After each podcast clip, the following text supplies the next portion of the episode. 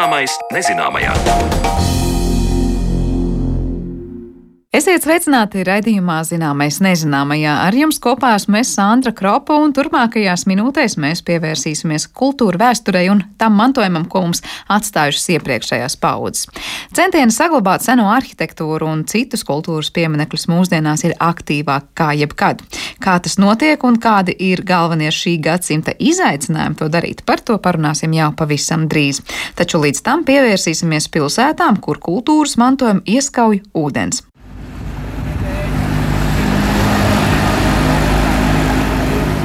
Bieži vien, vērtējot pilsētu plānošanas norises pašu mājās, ir derīgi paraudzīties, kā šajā ziņā klājas citām pilsētām. Tāpēc šoreiz pavērtēsim, kā sokas pilsētām pie dažādiem ūdeņiem, kur ūdens ir gan iespēja, gan izaicinājums. Upes, jūras lagūna, kanāli. No Rīgas aizceļosim tepat netālu līdz Zviedrijai, bet pēc tam pārcelsimies uz slaveno kanālu pilsētu Venēciju, Itālijā. Vispirms attālināti ierakstītā sarunā tiekos ar Kārlu Mosfeldu no Gēteborgas, Zviedrijā.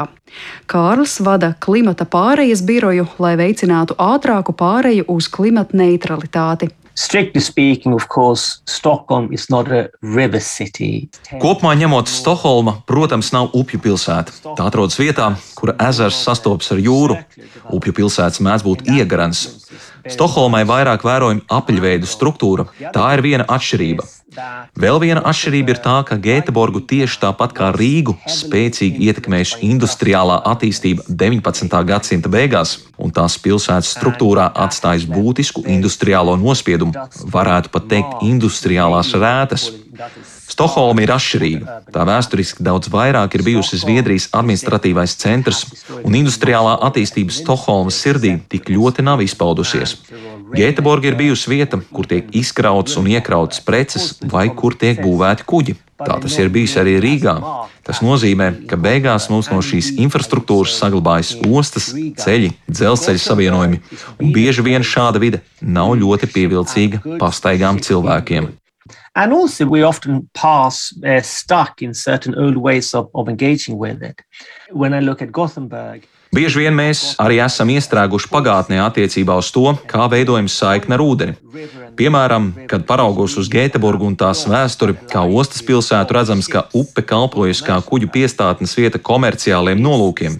Un šāda pati upes funkcija joprojām valda cilvēku prātos. Tas izpaužas tajā, kā mēs aizvien ļoti lielā mērā cenšamies uzturēt un no jauna attīstīt smagās kuģu piestātnes, kas tur savulaik bijušas industriāliem mērķiem taču šobrīd tas vairs nav aktuāli. Runājot par ūdens teritoriju aizsardzību, kā jūs sabalansējat aizsardzības pasākumus ar iespējām šīs teritorijas apdzīvot? Vai tas jums arī ir izaicinājums? It is in many ways. I mean, one obvious case here is, of course, the fact that climate change is bound to push up sea levels. Jā, tas ir izaicinājums vairākos veidos. Viens no tiem ir ļoti tiešs.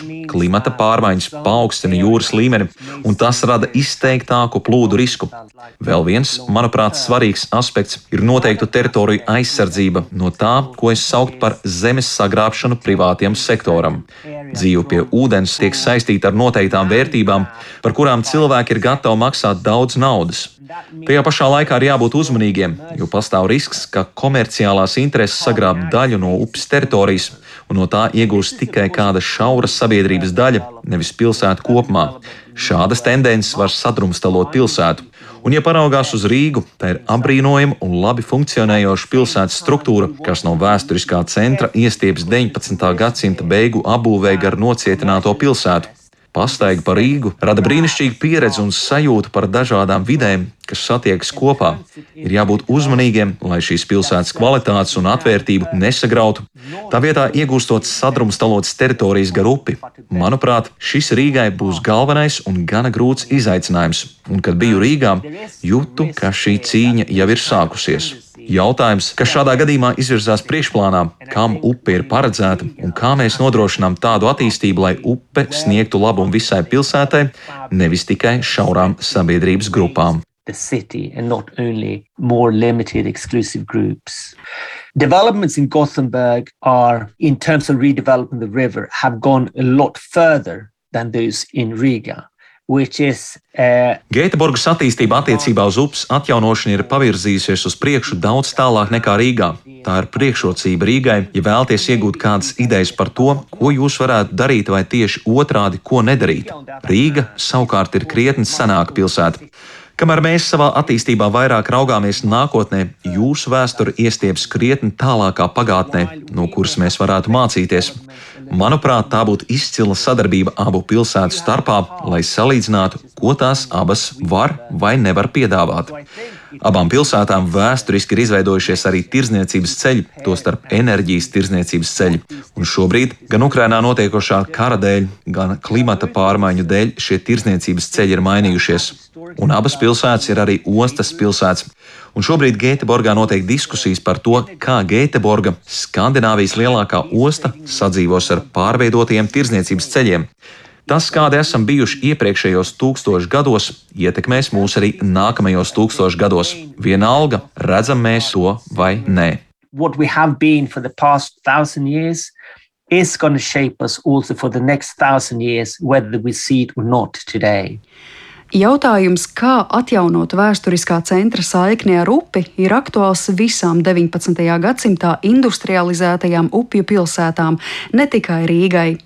Kārlis skaidro, ka risinot šo jautājumu, politiskās debates mēdz iestrēgt ļoti vienkāršotās kategorijās, bet būtu derīgi palūkoties uz līdzīgām pilsētām. Tas ļautu ieraudzīt, kā cita pilsēta tiek ar to galā. Rīgai ir līdzības, piemēram, ar Ziemeļvācijas tirzniecības pilsētām, tostarp Hamburgu, tāpat arī Nīderlandes pilsētām. Taču svarīgi ir tiešām atrast līdzības, tāpēc būtu uzmanīgi jāizvēlas, ar ko mēs sevi salīdzinām. So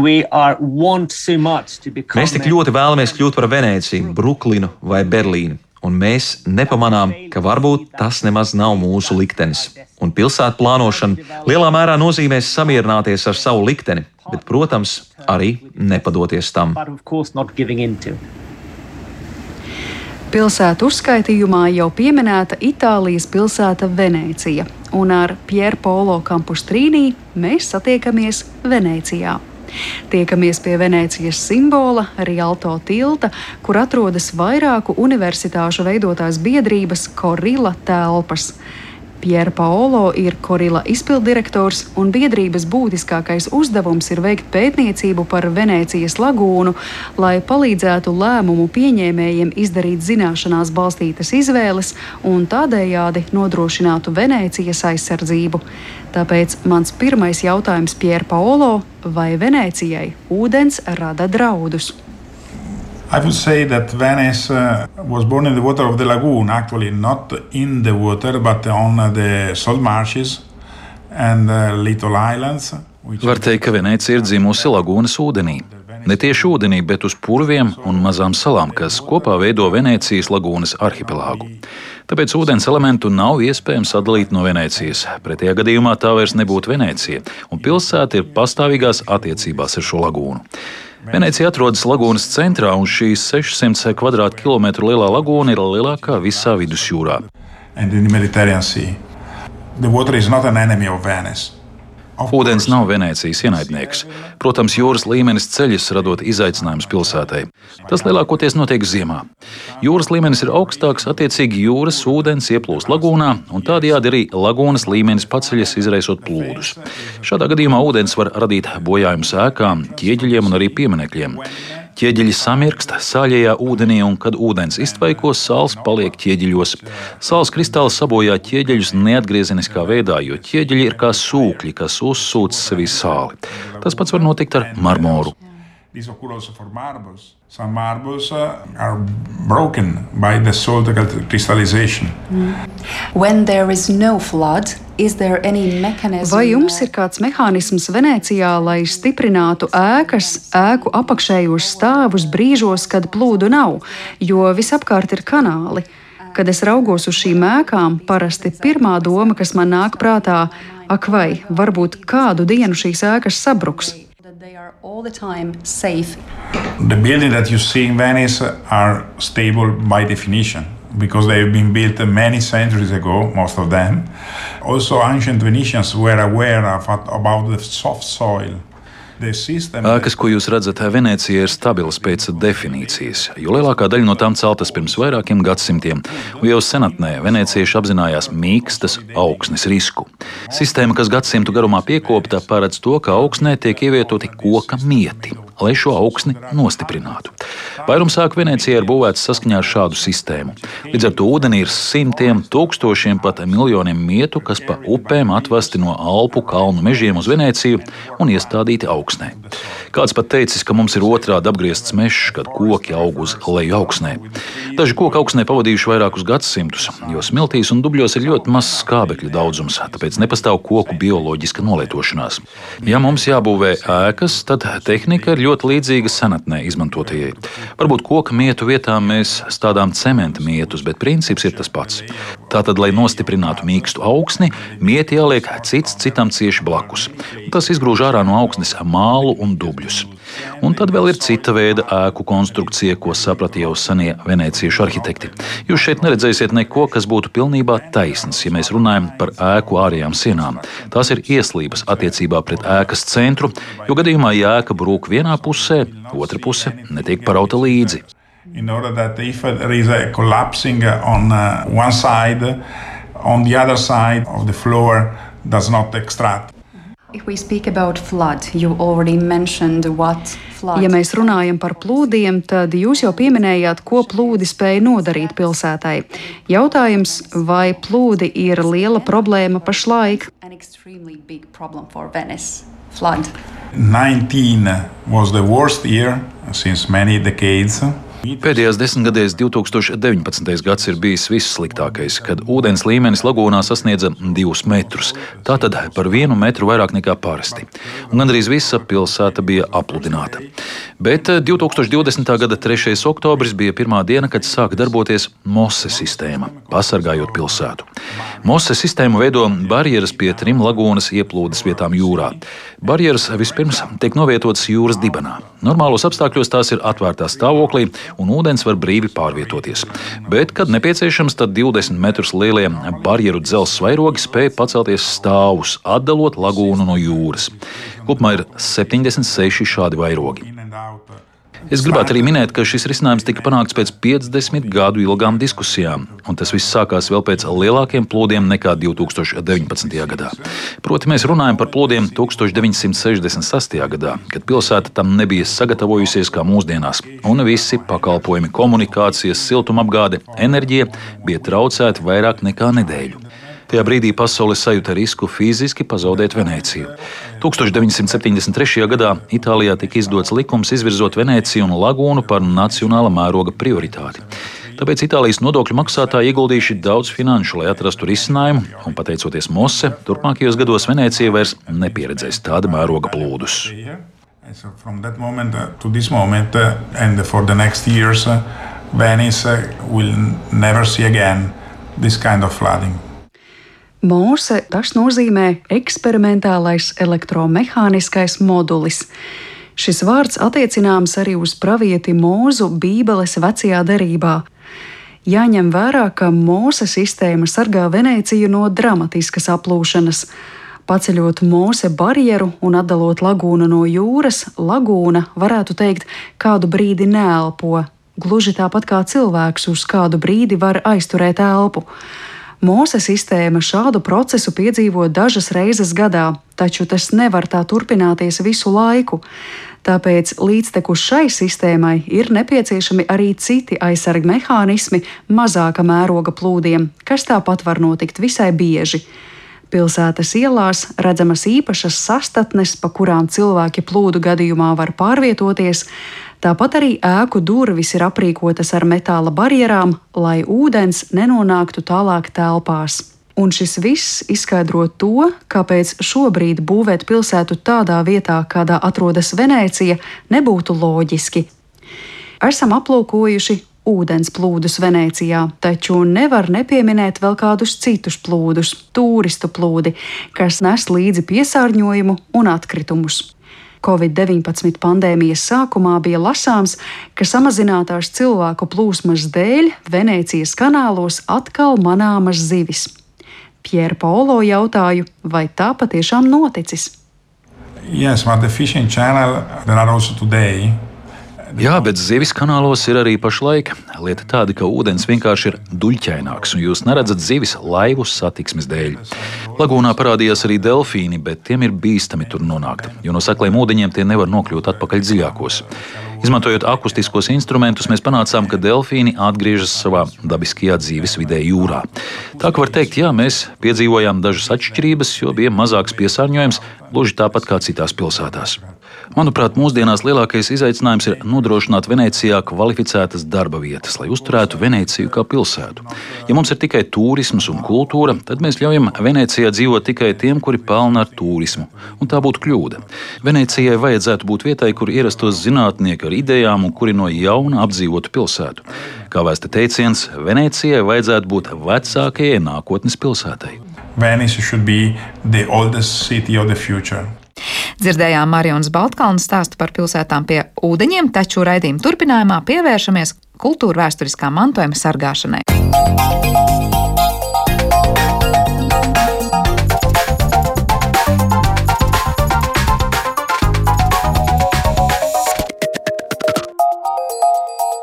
Zināmais nezināmajā. Centieni saglabāt seno arhitektūru un citus vērtīgus kultūras pieminekļus mūsdienās ir aktīvāki kā jebkad. Palīgā nāk gan tehnoloģijas, gan padziļinātāka izpēta, taču vienlaikus arī jaunas problēmas. Klimata pārmaiņas, dabas katastrofas, nepārdomāta pārvaldība un karš ir lielākie kultūra vēsturiskā mantojuma postītāji. Šodien mēs raidījumā skaidrojam, kā tad to visu saglabāt nākamajām paudzēm 21. gadsimtā un kas tad jau šobrīd notiek, piemēram, Ukrainā. Lai par to visu runātu, runātu. Mēs studijā esam tikušies diezgan kuplā skaitā. Ar mums kopā šeit ir Agnese Kukela, Latvijas Universitātes Geogrāfijas un Zemezinātņu fakultātes pētniece, arī ģeoloģijas zinātņu doktora, kuras uzmanības lokā ir geoarheoloģija un seno akmens būvju un pieminekļu dokumentēšana un izpēta. Labdien, Agnese! Labdien! Tāpat arī Atis eh, Kampars, tad mākslas izglītības eksperts un Latvijas Universitātes studiju programmas kultūra vidas mantojuma koncepcijas izstrādātājs. Labdien! Labdien!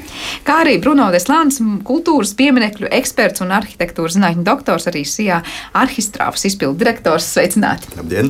Mēs ar Bruno tikāmies šeit raidījuma studijā jau nu, salīdzinoši nesen, kad mēs runājām par tādiem ļoti eksotiskiem darbiem, kas tiek veikti Saudārābijā, man liekas, jā, jā. bija tā, tāds reģions. Bet šoreiz esat atgriezies pavisam nesen no Ukrainas, kur arī esat piedalījies kara postīto ēku rekonstrukcijā. Pastāstiet, kur jūs bijāt un ko jūs īsti Ukrainā darījāt? Viss notika mēnesi atpakaļ apmēram. Mēs bijām ar uh, dažiem kolēģiem no RTU. Mēs bijām kopā uh, Ukrainā, dažās vietās, uh, divas dienas sākumā uh, Inīve, kas ir divi kilometri no robeža, uh, kur mēs varējām satikties ar uh, Ukrainas kolēģiem. Lai mēs uh, varam precizēt uh, metodoloģiju, kā strādāt karas uh, laikā. Un pēc tam mēs turpinājām uz Kievu un tālāk uz Černīvu kur uh, Ukrainas kultūras ministrs mums prasīja uh, palīdzi, palīdzību no Latvijas, no Latvijas valdības, uh, nodokumentēt uh, sabojājumu uh, dažās vietās, dažiem pieminekļiem. Nozīmē viena biblioteka, uh, simts gadi veca, uh, kas, uh, protams, arī bija uh, iekļauts. Uh, UNESCO mantojumā? Ne UNESCO līmenī, bet valsts līmenī, valsts sarakstā. Un arī kultūras centrs, kur bija kinozāle iekšā. Divi lieli objekti, plus uh, trešais objekts. Uh, svarīgi bija viena baznīca Kieva. Uh, Svētā Kirila baznīca, kas uh, drīz būs arī iekļauts pasaules mantojuma sarakstā. Jā, par to, kas tur īsti tika darīts, mēs droši vien, nu, kā tas tika darīts, parunāsim, bet es saprotu, ka nu, šī nav pirmā reize, kad jūs redzat karu nopostītus kultūras pieminekļus. Kā jūs raksturot, kas ir tas nu, lielākais izaicinājums strādājot tieši ar karas kartiem pieminekļiem? Ne, ir jāzina, ka kara laikā, protams, ir daudz kas ir sabojāts un bombardēts, bet bieži ir funkcijās tajās ēkās. Vai Sīrijā Alepo tas bija tirgus, 12 km garš tirgus, kur dzīve nevarēja turpināt, tāpēc ka visa, visa nopirkum, nopirkums notika tajā vietā. Vai arī Ukrainā. Vienā vietā bija uh, biblioteka, dažās citās vietās skolās, dažās vēl uh, kultūras centrus vai baznīcas. Nav tikai runāt par pirmnikli, bet par funkcijām, kas ir iekšā. Un uh, palīdzēt uh, palabot situāciju, restorēt, nozīmē dabūt atpakaļ funkciju kur dažiem kara laikā nozīmē uh, ņemt ārā no pretniekiem uh, sakni. Un tad, tad, nu. Nu, tas izklausās dažkārt pat liekas, nu, nereāli, ja kamēr pie īpaši notiek, piemēram, kara darbība valstī, un tur patiesībā ir jau jāsāk domāt par to, kā rekonstruēt kaut ko, kas ir tik tikko. Bet tas uh, vienmēr uh, un bieži notiek ļoti ātri. Uh, protams, tāpēc, ka uh, sabiedrībai parādīt, ka dzīve var turpināt un nav jā, jābrauc prom no, no Černīva vai no, no, vispār no Ukrainas. Tā, tas ir ļoti sti, stingrs signāls visiem. Un tas ir, kāpēc starptautiskā līmenī ir tik daudz partneri, kas grib palīdzēt. Vai tas ir privāta iniciatīva, vai tas ir valstī, kā Latvijas valdībā nolēma, vai arī no starptautiskās institūcijām UNESCO. Ņem, Pirms es dodu vārdu Atim un Agnesei, tad es vēlreiz precizēšu, tas, kas jūsu darbs ir, tur e, nav tikai fiksēt un teikt, mēs tagad fiksējam tā, lai nenopostu vēl vairāk, kā te kas būtu vēlāk jāatjauno. Jūs jau šobrīd ņemat un atjaunojat, restaurējat lietas, kas ir gājušas bojā. Mērķis nav dabūt digitālu kopiju. Uh -huh. uh, daži to, to dara un argumentē, ka viņi saglabā mantojumu, tāpēc, ka ir digitāla kopija, bet tas nav. Viss, ko mēs darām ar 3D skaneriem, ir ar ļoti lielu kvalitāti. Dabūt uh, pamatmateriālus restorācijai nozīmē ar milimetriem dabūt visu, visas uh, struktūrās patoloģiju un uh, nu, izpētēt, kā varam to restorēt tik ātri ir iespējams. Jā, man jautājums Agnesei un Atim par to, nu, mūsdienās karš laikam nav vienīgais aspekts, kas ļoti nu, neglītā veidā skar tos kultūras mantojumu un, un pieminekļus. Kā jūs raksturot, kas mūsdienās ir tie nu, lielākie apdraudējumi kultūras pieminekļiem? Un cik lielā nozīmē karš ieņem tur nozīmīgu lomu? Agnēs, sākšu jums. Uh, viennozīmīgi karš ir. Uh, būtisks faktors, kas izraisa kultūras uh, mantojuma pieminiektu iznīcību, un kā, uh, diemžēl, vēsture un pieredze rāda, nevienmēr kultūras mantojuma objekti ir nejaušības, kurām tiek trāpītas tātad bumbas, lodes, un kuri tiek sagrauti tieši militārās darbības rezultātā, kā rāda pieredze, piemēram, Afganistānā ar Budas statuju. Jā, tātad bieži vien tā ir tīša iznīcība ar mērķi nopostīt to, kas ir svarīgs ne tikai konkrētā valstī, valstī, kur notiek kara darbība, bet arī. Um, pasaules vēsturē un cilvēks nu, tādai kā civilizācijas vēsturē kopumā. Jā, tas pats notika arī Palmīrā, Sīrijā. Jā, ir ļoti tīri cilvēcīgi sāpīgi nolūkoties uz šiem kadriem un video, kas ir pieejami internetā, kā notiek šo pieminiektu iznīcība. Bet, protams, ir arī dabas katastrofas, kā piemēram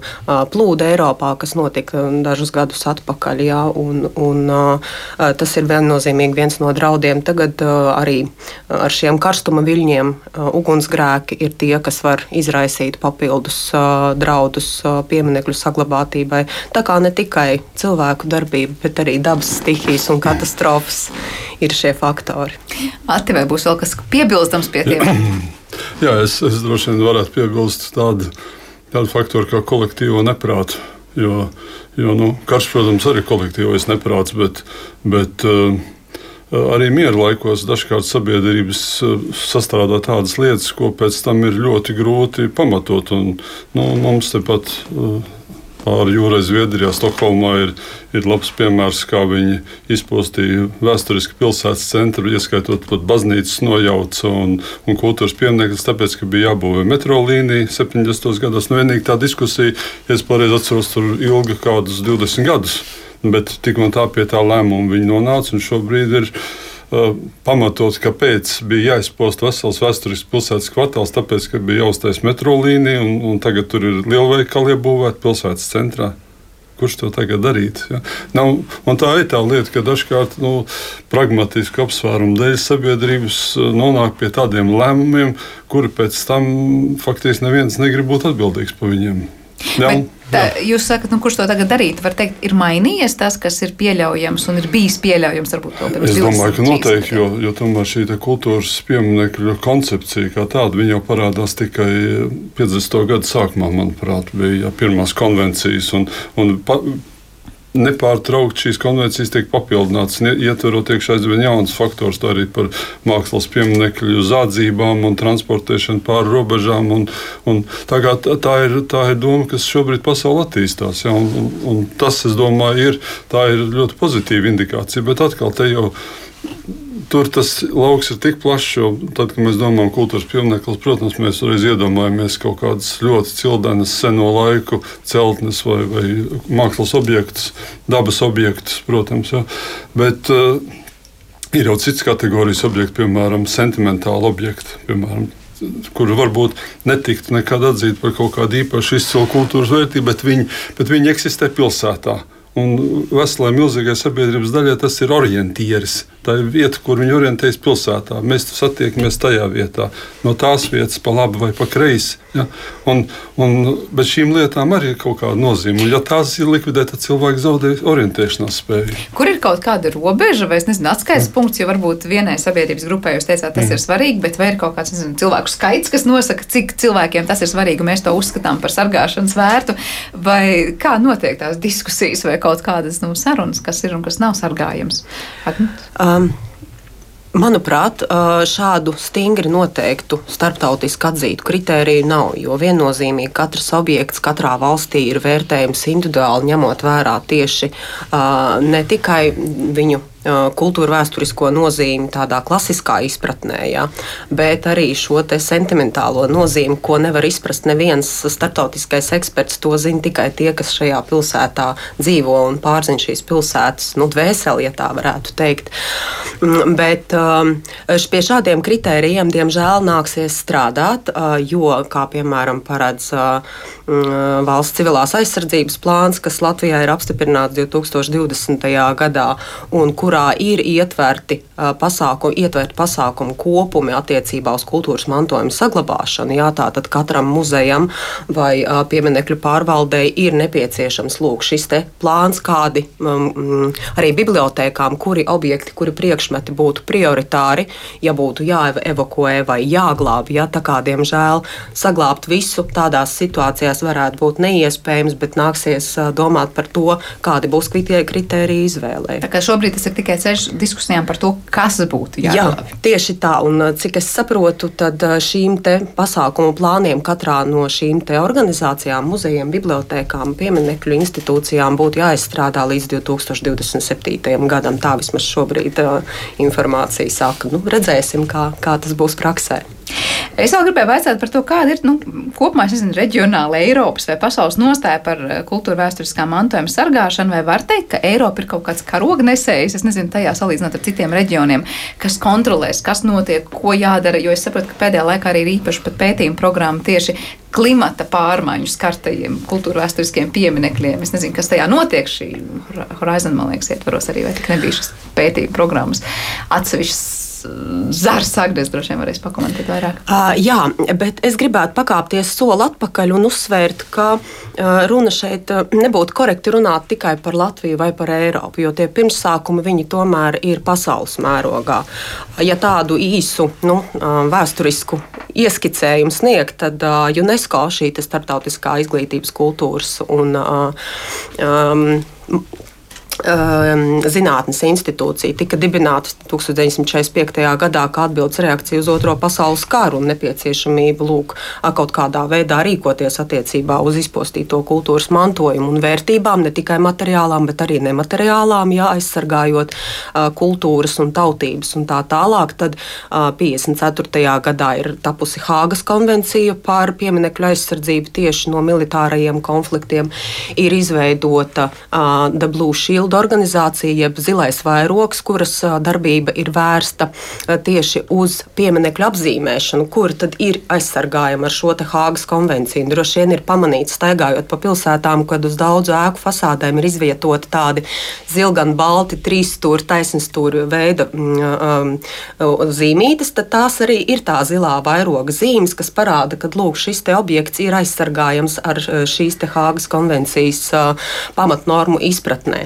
Ir arī um, ICOMOS organizācija, tātad uh, starptautiskā padome, uh, kuras mērķis ir aizsargāt pieminekļus un ievērojamās vietas, ne tikai aizsargāt, bet pētīt un piedāvāt arī metodes, kādā veidā šo aizsardzību varētu īstenot. Tātad tās jau ir teiksim, vadlīnijas praktiskai rīcībai, kā ar šo strādāt. Un tas ir ne tikai Eiropas, tas ir pasaules līmenī. UNESCO organizācijā ietilpst 193 dalību valstis, piemēram, ICOMOS 153 valsts visā pasaulē.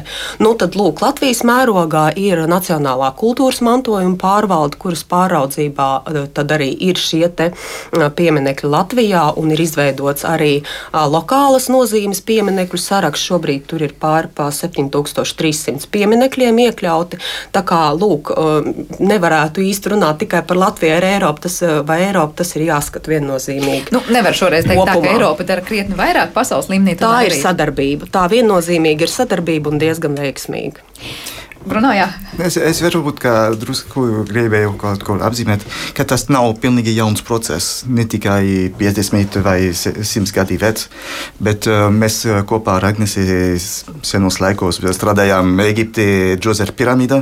Mēs varam atcerēties, ka uh, jau romiešu periodā bija interese nostiprināt un saglabāt nākotnē Džozefa piramīdu. Bija nosūtīta no. no Eh, vidusjūras eh, otrā pusē, koka gabaliņos, lai varētu to eh, nostiprināt.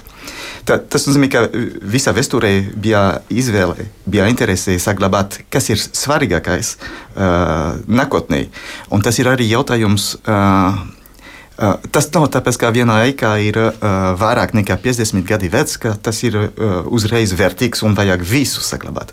Bet ir viens darbs, kas ir ļoti svarīgi, ir vajag izpētēt, kur ir vērtības un uh, ko mēs tiešām gribam dot bērniem un maziem bērniem. Bet te ir laikam tas, ko Atis pirms tam arī teica, ka te ir jautājums, nu, kam tas ir vērtība un kā tagad izvērtēt. Vai tas, nu, protams, ir vispasaules vērtība, vai tas ir tikai vienas kopienas vērtība, vai ir kāds komentārs, nu, pēc kā tur vadās eksperti vai mākslas izglītības eksperti. Nu, nu, drīzāk es, es teiktu, man, man šķiet, ka tas, tā, tā doma, ko jūs jautājat par to, vai tā ir nu, pasaka, rietumu pasaules kaut kāda teiksim, koncepts, protams, ka tas nav.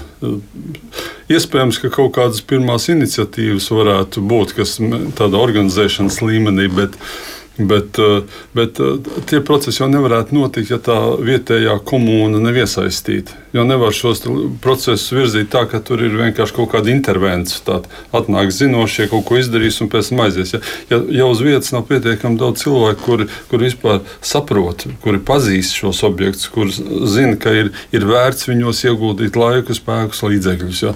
Tad be, bez tā tas nevar notikt. Un... Tas nav tikai institūcijas darbs, jā. tas ir arī sabiedrības jā. darbs. Tieši tā. Un, Bet, un ir, ir daudz kas notiek tagad, teiksim, Francijā vai Itālijā ar baznīcām, par baznīcām.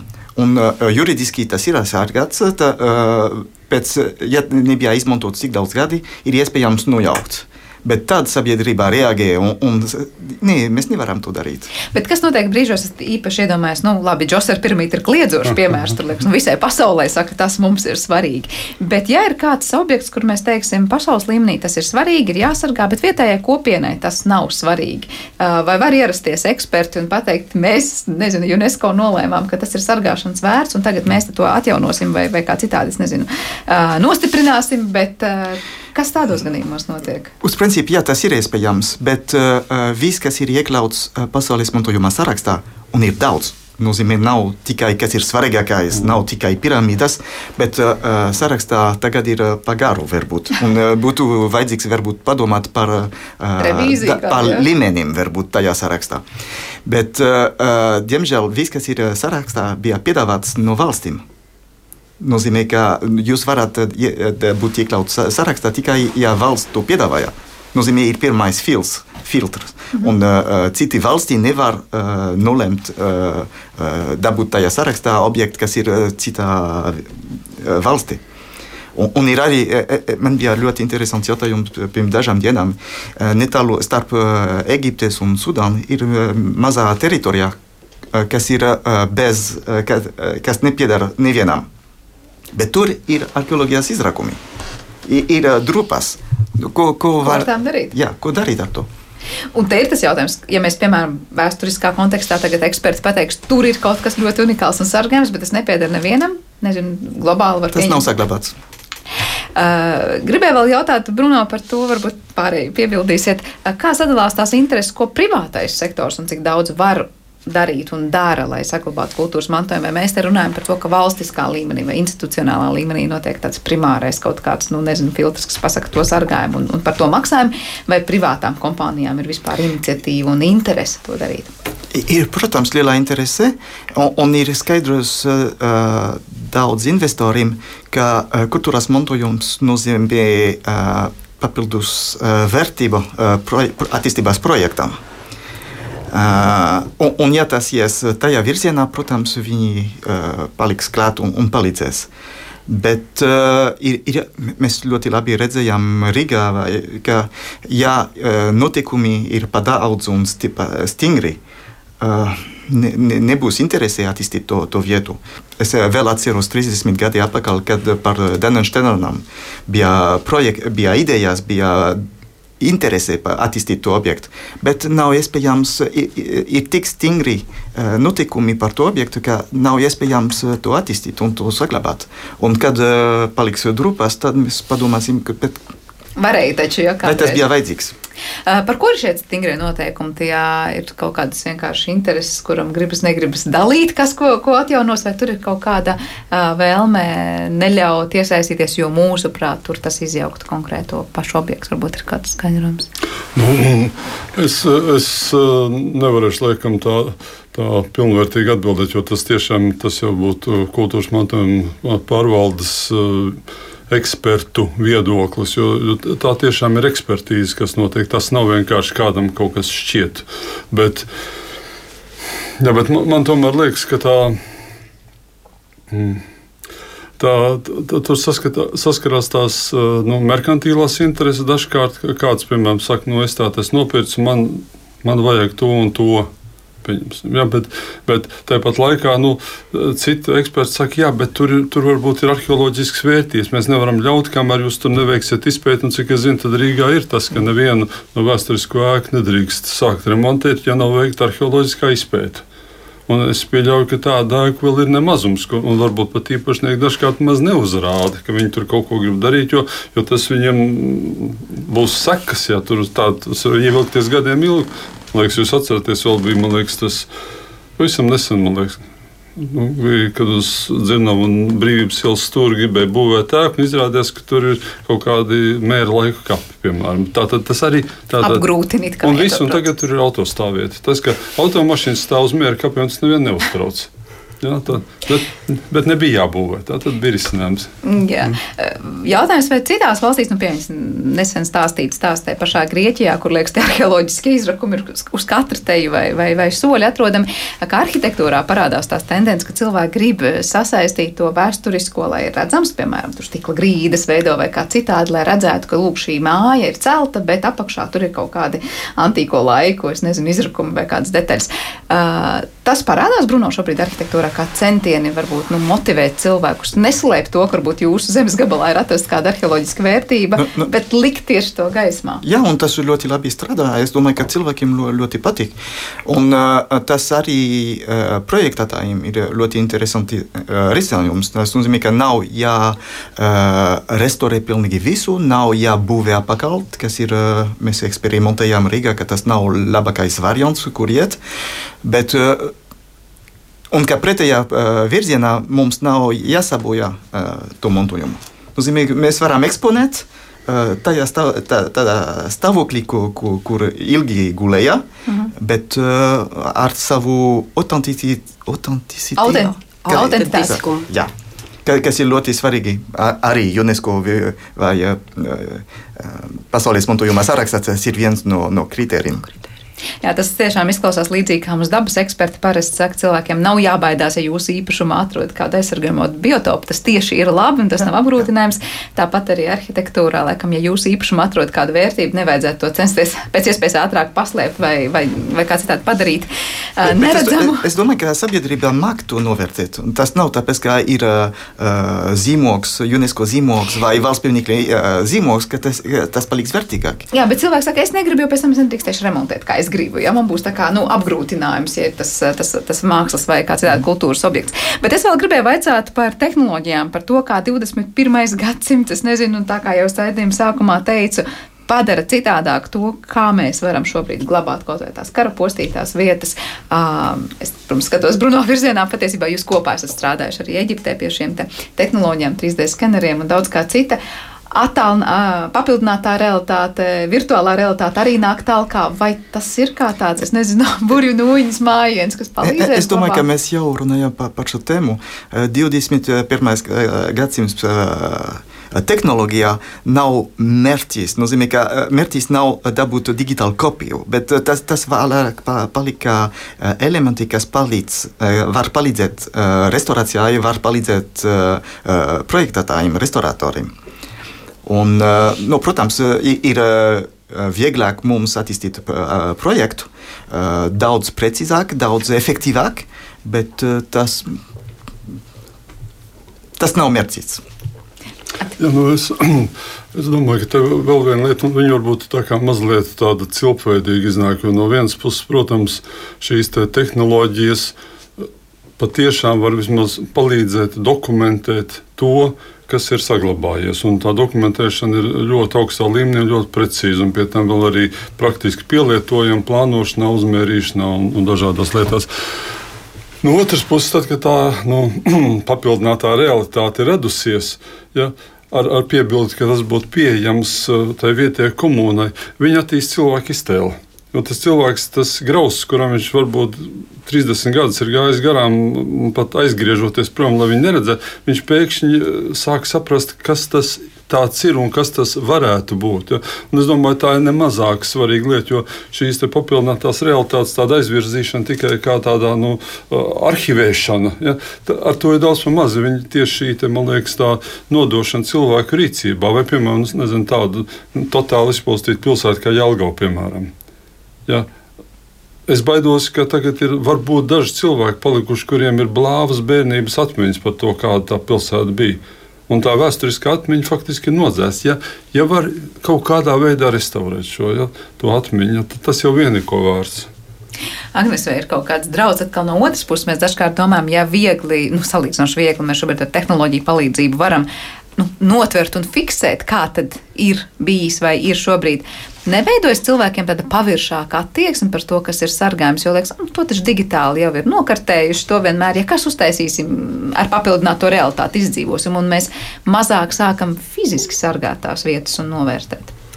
Gan jā, gan nē. No vienas puses jums ir taisnība, no otras puses atkal šī, nu, es neteiktu pastiprinātā uzmanība, bet uh, lielāka informēšana, sabiedrības informēšana par to, ka lūk, ir lietas, kas ir, uh, vien, nu, nevar teikt, vienlīdz svarīgas kā arī cilvēku dzīvības. Ja mēs, piemēram, runājam par, ko, par, par, par kara darbību, jā, viennozīmīgi cilvēki ir pirmajā vietā, bet arī par objektiem būtu jāaizdomājās tajā brīdī, kad tam brīdis ir, teiksim tā. Un, uh, tāpatās arī sabiedrības izglītošana un, un šīs izpratnes celšana ir tas, kas var palīdzēt citādām acīm un savādāk uztvert uh, to, uh, iekš kā mēs dzīvojam, kādā mm, vidē mēs atrodamies. Ja? Un, teiksim, runājot par, par, par Latvijas universitāti, šī jaunā bakalaura studiju programma, kas mazliet tika pieminēta uh, raidījuma sākumā, kuras koncepcijas izstrādātājs ir mans kolēģis Atis Kampars, viņi ir tieši vērsti uz šādu te, mm, šādas izpratnes uh, veicināšanu, uz šādu speciālistu sagatavošanu, kuriem būtu kompetenti uh, skatīties uz kultūru kultūras mantojuma kompleksā, nevis kā uz atsevišķiem objektiem, bet kā viņu vietu ainavā un viņu nozīmi gan valsts, gan Eiropas, gan arī pasaules līmenī. Kas ir tie galvenie punkti? Es atvirzienā skatos, ko jūs likāt kā uzsvaru šai koncepcijai. Nu, Agnes jau gan te ieskicēja. Ko tā vēlas panākt un kam tā ir domāta, kas var nākt un studēt. Šī programma viņa, viņa nav domāta tādā šaurai specializēšanai. Tas, ko Agnēs eh, tikko pieminēja, viņa ir domāta vairāk priekš tam, lai cilvēki iegūtu tādas nu, sintētiskas zināšanas, ka viņi saprot vidas aspektus. Un, un es domāju, šī vides, eh, ziņa, vides zinātņu klātbūtne šajā programmā, un tostarp arī dabas zinātņu un tur ir geogrāfija, iekšā ķīmija. Ja. Tas, tas, ir, tas iespējams tiešām ir unikāls, unikāla īpašība šai programmai. Nu, kā es ar vienu vienu džentlmeni no Eiropas organizācijas runāju, viņš neatcerējās, ka šādas programmas būtu kaut kur manīts. Ja. Ceru, ka tas tā ir. Ja? Tas būtu labi. Ja? Bet, bet sākumā šai programmai veidot bija atziņa par to, ka Latvijā šādu programmu nav. Ja? Tas bija 2019. gadā, ja pareizi atceros. Kad sarunājām ar Latvijas Universitātes vadību, mēs konstatējam, ka faktiski Latvijā nav pārstāvēts vesels, solīts studiju virziens, kurš faktiski ir visās Eiropas Savienības valstīs. Kaut kā mēs to bijām palaiduši garām. Tāpat laikā, protams, šo kultūras mantojuma jautājumu māca Latvijas Universitāte, Vēstures un filozofijas fakultāte. Tur ir studiju modulis, ir Rīgas Tehniskā universitāte, arhitektiem, man liekas, maģistra programma. Tehniskās universitātes ķīmijas fakultātē māca, Mākslas akadēmijā māca restaurāciju.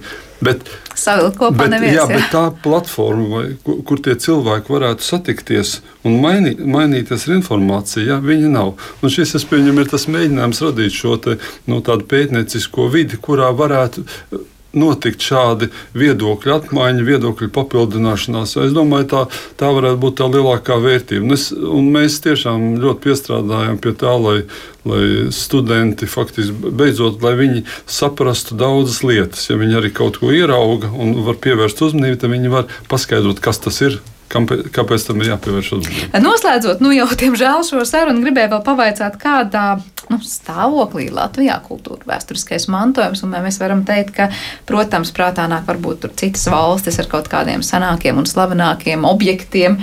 Kas, jūsuprāt, mūsu tajā kultūra vēsturiskajā telpā ir tas šobrīd visvairāk sargājamais vai visgrūtāk sargājamais? Uh, Es pirmos mūžus 12 gadus nodzīvoju vecrīgā uz Anglikāņu ielu. man, protams, tā, man ir ļoti skaidrs sajūta, kas, kas man ir tās, nu, tās pamatvērtības, ar, ar kurām teiksim, es esmu uh, sadzīvojis kopā. Ja. Bet es, es domāju, ka ļoti liela ļoti liela nozīme ir arī dabas objektiem. Ja, te, man liekas, brīnišķīgs piemēr, piemērs ir piemēram Pedvāles, uh, uh kā nu viņš sauc, Pedvāles brīvdabas muzejs. Parks. Pedvāls uh, dabas parks. Jā, dabas parks, laikam, jā, viņi mainīja nosaukumus. Tieši. Jā, Ojārs Felbergs, telnieks. Un tas, tas ir, es domāju, ļoti interesants piemērs, kā faktiski var gan šo laikmetīgo kultūru uzturēt, gan arī rūpēties par dabas nu, sakārtotību, ja, bez pārmērībām. Bet pašlaik notiek arī šo divu šajā teritorijā esošo mūžu tāda nu, pakāpeniska, nu, teiktu, rekonstrukcija. Tā, tā nav īstā tā nu, arheoloģiskā, bet, bet tie, tas darbs, kas tur ielikts, ir vienkārši milzīgs. Es, es pieņemu, ka tas objekts vienkārši vēl, viņš ir zināms, bet vēl aizvien par maz novērtēts. Nu, es tikpat, tikpat labi varētu pieminēt arī pie Daugopils šo cietoksni, kur ir Marka Rotko centrs, kurš ap sevi izplata faktiski sakārtotību. Viņš sākumā bija tikai viena lieta, un viņš aizvien vairāk, kā saka, tas viņš no zināmā mērā tā kā, tāda, tā kā vīruss iedarbojas mm. uz to vidi. Ja? Ja.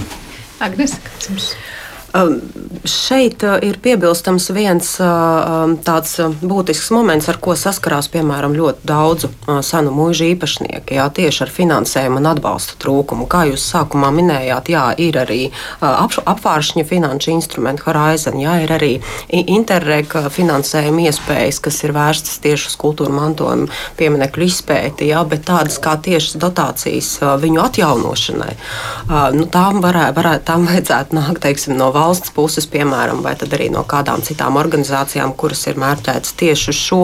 Un tad vienmēr ir šis jautājums, kam tad ir jābūt sākumā objektam, tam, kurš ir spējīgs pats sevi atpelnīt, un attiecīgi viņš piesaista naudas līdzekļus, lai varētu uh, sevi uzturēt un arī uh, atjaunot, vai arī tieši otrādi sākumā mēs ieguldam naudas līdzekļus atjaunošanā, un tad viņš kļūst par tādu objektu, uz kuru cilvēki vēlas aizbraukt, pavadīt tur laiku, atstāt arī kaut kādus naudas līdzekļus par ieejas maksu, es nezinu, izstāžu ekspozīcijas biļetēm, kafejnīcām, restorāniem, viesu namiem, kas ir apkārtnē. Tātad šeit ir jautājums, kas tad ir pirmais sākumā finansējums, un tad objekts vai sākumā objekts un tad finansējums. Tad lūk, viennozīmīgs atbildes šeit nav atkal katrs objekts ir izvērtējums individuāli. Un, uh, kompetentu cilvēku daudzums un skaits, kurš varētu būt spējīgs novērtēt, kādā veidā šo konkrēto objektu, vai mūsu gadījumā mēs varētu teikt, pacientu būtu jāstrādā, jā, vai mēs sākumā reanimējam, un tad fizioloģiju taisam vai otrādi. Jā. Tad, lūk, šādus speciālistus mēs arī Latvijas universitātē plānojam gatavot. Protams, pieaicinot pēc tam attiecīgās jomas speciālistus, restaurators, arhitektus, būvniekus, ainavu speciālistus, vidas speciālistus jau tādā šaurākā nozīmē.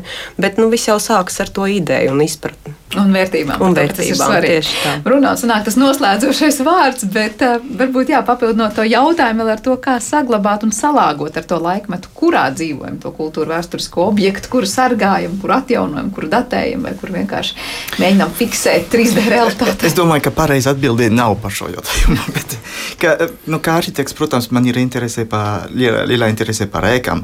Un ēka, teiksim, vec Rīgā, kas ir iekļauts pasaules mantojuma sarakstā, ir katru, katru eku ir, ir kā pieminekli, bet kā, kā vienā eka. Bet es domāju, ka mans. Tā, ja tas var dzīvot vairāk nekā 800 gadi un, un vēl ilgi dzīvos, tas ir tāpēc, ka ir funkcijā iekšā, tāpēc, ka eka stāv uh, kopā ar vienu citu eku, pa labi, pa kreisi, viena vide. Tā, tāpēc, ka ielā ir uh, uh, vai cilvēki staigā, vai brauc, vai uh, ir mūzika, ir, ir viss, kas nav nemateriāla atmosfērā, kas uh, vienā ēkā nav viens muzejs. Tas ir uh, viena pilsēta, kas dzīvo. Mm -hmm. un, un ir jāturpina, jāatrod veids, kā, kā, dzīvot, kā, kā dzīvot tālāk. Jā, tiešām jāatrod veids, kā dzīvo šiem kultūra vēsturiskajiem pieminekļiem arī mūsu 21. gadsimtā, kas no vienas puses liekas paver daudzas iespējas, kas liekas, nu, salīdzinot, ko teicāt, ja romieši jau ar koku gabaliņiem mēģināja kaut kā saglabāt piramīdas, liekas šobrīd iespēja brīnišķīgs, bet arī savus mīnus droši vien ir līdz tam, ka šīs laikmets dod daudzas iespējas. Jautājums, vai mēs spējam savās vērtībās tikt līdzi un tos novērtēt nemazāk, kā varbūt to darīt cilvēki citos laikos. Agnes Kukela, Latvijas Universitātes Geogrāfijas un Zemezinātņu fakultātes pētniece ģeoloģijas zinātņu doktora, kā arī Acis Kampars, mākslas izglītības eksperts un Latvijas Universitātes studiju programmas koncepcijas izstrādātājs, un, protams, arī Bruno Delāns, kultūras pieminekļu eksperts un arhitektūras zinātņu doktors, bija šodien pie mums raidījuma zināmais nezināmajā studijā. Ar to arī tas ir izskanējis. Paldies par to producentē Paulai Gulbinskai, par mūziku gādāja Girds Bišs, bet ar jums kopā bija es Sandra Kropa. Visu